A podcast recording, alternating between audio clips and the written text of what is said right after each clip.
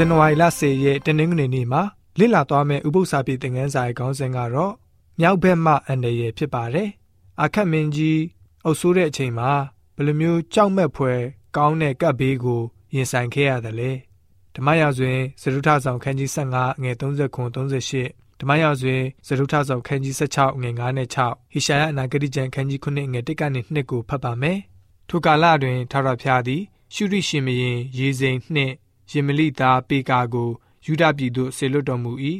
ယောတန်သည်ဘိုးဘေးတို့နှင့်အိပ်ပျော်၍သူတို့နှင့်အတူအဘဒါဝိမြို့၌တကြိုချင်းကိုခံလေ၏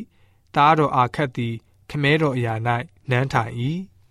ထိုအခါရှုရိရှင်မင်းရေဇိန်နှင့်ဣတေလရှင်မင်းယေမလိသားပေကာသည်ယေရုရှလင်မြို့သို့စစ်ချီ၍အာခတ်မင်းကိုဝိုင်းထားတော်လဲမနိုင်ရတို့ရတွင် ရှုရိရှင်မင်းရေဇိန်သည်အေလဲမြို့ကိုရှုရိနိုင်ငံသို့တွင်းပြန်၍ ယူဒလူတို့ကိုနှင်ထုတ်သည်ဖြင့်ရှုရိလူတို့သည်လာ၍ယနေ့တိုင်အောင်အေလက်မြို့၌နေကြ၏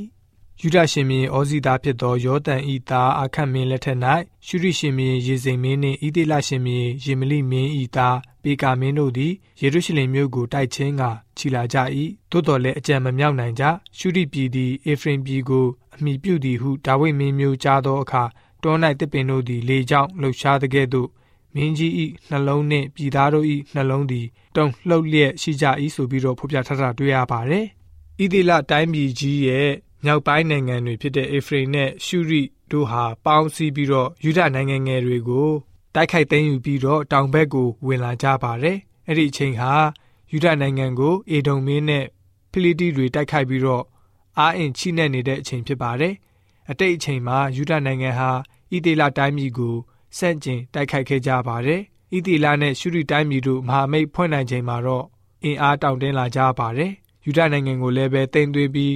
ခွန်အားကြီးတဲ့ရှုရီမင်းတိဂလက်ပိလေတာ၃ကိုစန့်ကျင်မှုအကြံရှိပါတယ်။ပုလမင်းဟာအင်ပါယာကိုချက်ထွင်ပြီးတော့ကြံတိုင်းပြည်တွေကိုချင်းချောက်ပါတော့တယ်။ဣသီလနဲ့ရှုရီနိုင်ငံတို့ဟာအကျက်အတဲကာလမှာအန္တရာယ်ကိုရင်ဆိုင်နေရပါတယ်။ဒါကြောင့်ယူဒနိုင်ငံကိုသိမ်းပိုက်အောင်မြင်နိုင်မယ်ဆိုရင် တယံဇာတာနဲ့လူသားအရေးမြစ်ကိုအသုံးပြုနိုင်မှာဖြစ်မယ်လို့ယုံကြည်ကြပါတယ်။အခက်မရဆိုလို့ရှိရင်သူ့ရဲ့တိုင်းပြည်ပျက်စီးသွားတဲ့အခါမှာဘယ်လိုမျိုးအဆုံးသတ်သွားသလဲ။ဓမ္မရာဇဝင်ဇရုထဆောင်ခန်းကြီး16ငွေ9ကနေ9ရာဇဝင်ကျုပ်ဒုတိယဆောင်ခန်းကြီး28ငွေ16ကိုဖတ်ပါမယ်။ထို့ကြောင့်အခက်သည်အာရှုရိရှင်မြေတိကလက်ပိလေတာထံသို့တန်တမန်ကိုဆေလွတ်၍ကျွန်ုပ်သည်ကိုရောသားကိုရောကျွန်ဖြစ်ပါ၏ လာပါကျွန်ုပ်ကိုရံဘက်ပြုသော ရှုရိရှင်မြင်းနှင့်ဣသေလရှင်မြင်းလက်မှကယ်ယူပါဟုတောင်းပန်၏တဖန်ဗိမ္မာန်တော်၌၎င်းနန်းတော်ဗန္နာတိုင်း၌၎င်းရှိသောရွှေငွေကိုယူ၍အာရှုရိရှင်မြင်းထံသို့လက်ဆောင်ပေးလိုက်လေ၏ရှုရိရှင်မြင်းသည်နားထောင်၍ဓမ္မသက်မြို့သို့စစ်ချီ၍တိုက်ယူပြီးလင်ပြည်သားတို့ကိုကိရမြို့သို့တင်သွား၏ရေစိမ်မင်းကိုလည်းတတ်၏ထိုအခါအာရှုရိရှင်မြင်းလာ၍ကုမစေခြင်းကအခတ်မင်းကြီးသည်တန်တမန်ကိုဆေလွတ်လေ၏ဆိုပြီးတော့ဖော်ပြထားပါတယ် အခက်မင်းရဆိုလို့ရှိရင်ဖះရှင်ကိုအားကိုးပြီးတော့မိမိနဲ့မိမိတိုင်းပြည်ကိုကယ်တင်စေရမယ့်အစားသူဟာဆိုရင် ပုလ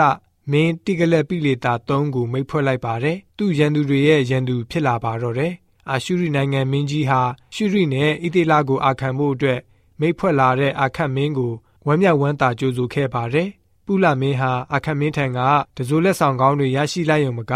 ရှုရိတိုင်းပြည်ကိုပါသိမ်းပိုက်ဖို့အခွင့်ကောင်းတစ်ပါးတည်းရရှိလိုက်ပါတယ် ရှုရီနဲ့ဣသေလတွေမဟာမိတ်အင်အားဟာပြိုကွဲသွားပါတယ်။တည်င်ကအမြင်မှာအာခမင်းဟာယူဒနိုင်ငံကိုကယ်တင်လိုက်တယ်လို့ထင်နေရပါတယ်။အဲ့ဒီလှုပ်ဆောင်မှုဟာအာခမင်းအတွက်ထူးခြားမှုအံ့ဩစရာမရှိပါဘူး။ယူဒနိုင်ငံတည်ထောင်ချိန်ကစပြီးတော့သူဟာအဆိုးဆုံးမင်းတစ်ပါးဖြစ်ခဲ့ပါတယ်။အဲ့ဒီရာဇဝင်ကိုကျွန်တော်တို့ဖတ်လိုက်ရတဲ့အခါမှာအာခမင်းဟာမိမိရဲ့လှုပ်ရက်အတွက်သူ့ကိုယ်သူကြိုးကွင်းပြန်ဆွတ်နေတဲ့အကြောင်းသူနားမလည်ခဲ့ပါဘူး။ကျွန်တော်တို့ကိုစီဟာလည်းပဲ အဲ့ဒီအဖြစ်အပျက်ကိုကြည့်ပြီးတော့သင်ခန်းစာယူဖို့ဖြစ်ပါတယ်ကျွန်တော်တို့ယုံကြည်သူများအနေနဲ့စုံစမ်းခြင်းတွေနဲ့ရင်ဆိုင်လာရတဲ့အခါမှာကိုယ့်အားကိုကိုးခြင်းမရှိဘဲနဲ့ဖျားရှင်ကိုသာလျှင်အားကိုးယုံကြည်တဲ့ယုံကြည်သူတွေဖြစ်စေဖို့အတွက်တနင်္ဂနွေနေ့ဥပုသ္စာပြေသင်ခန်းစာကဖော်ပြထားပါတယ်။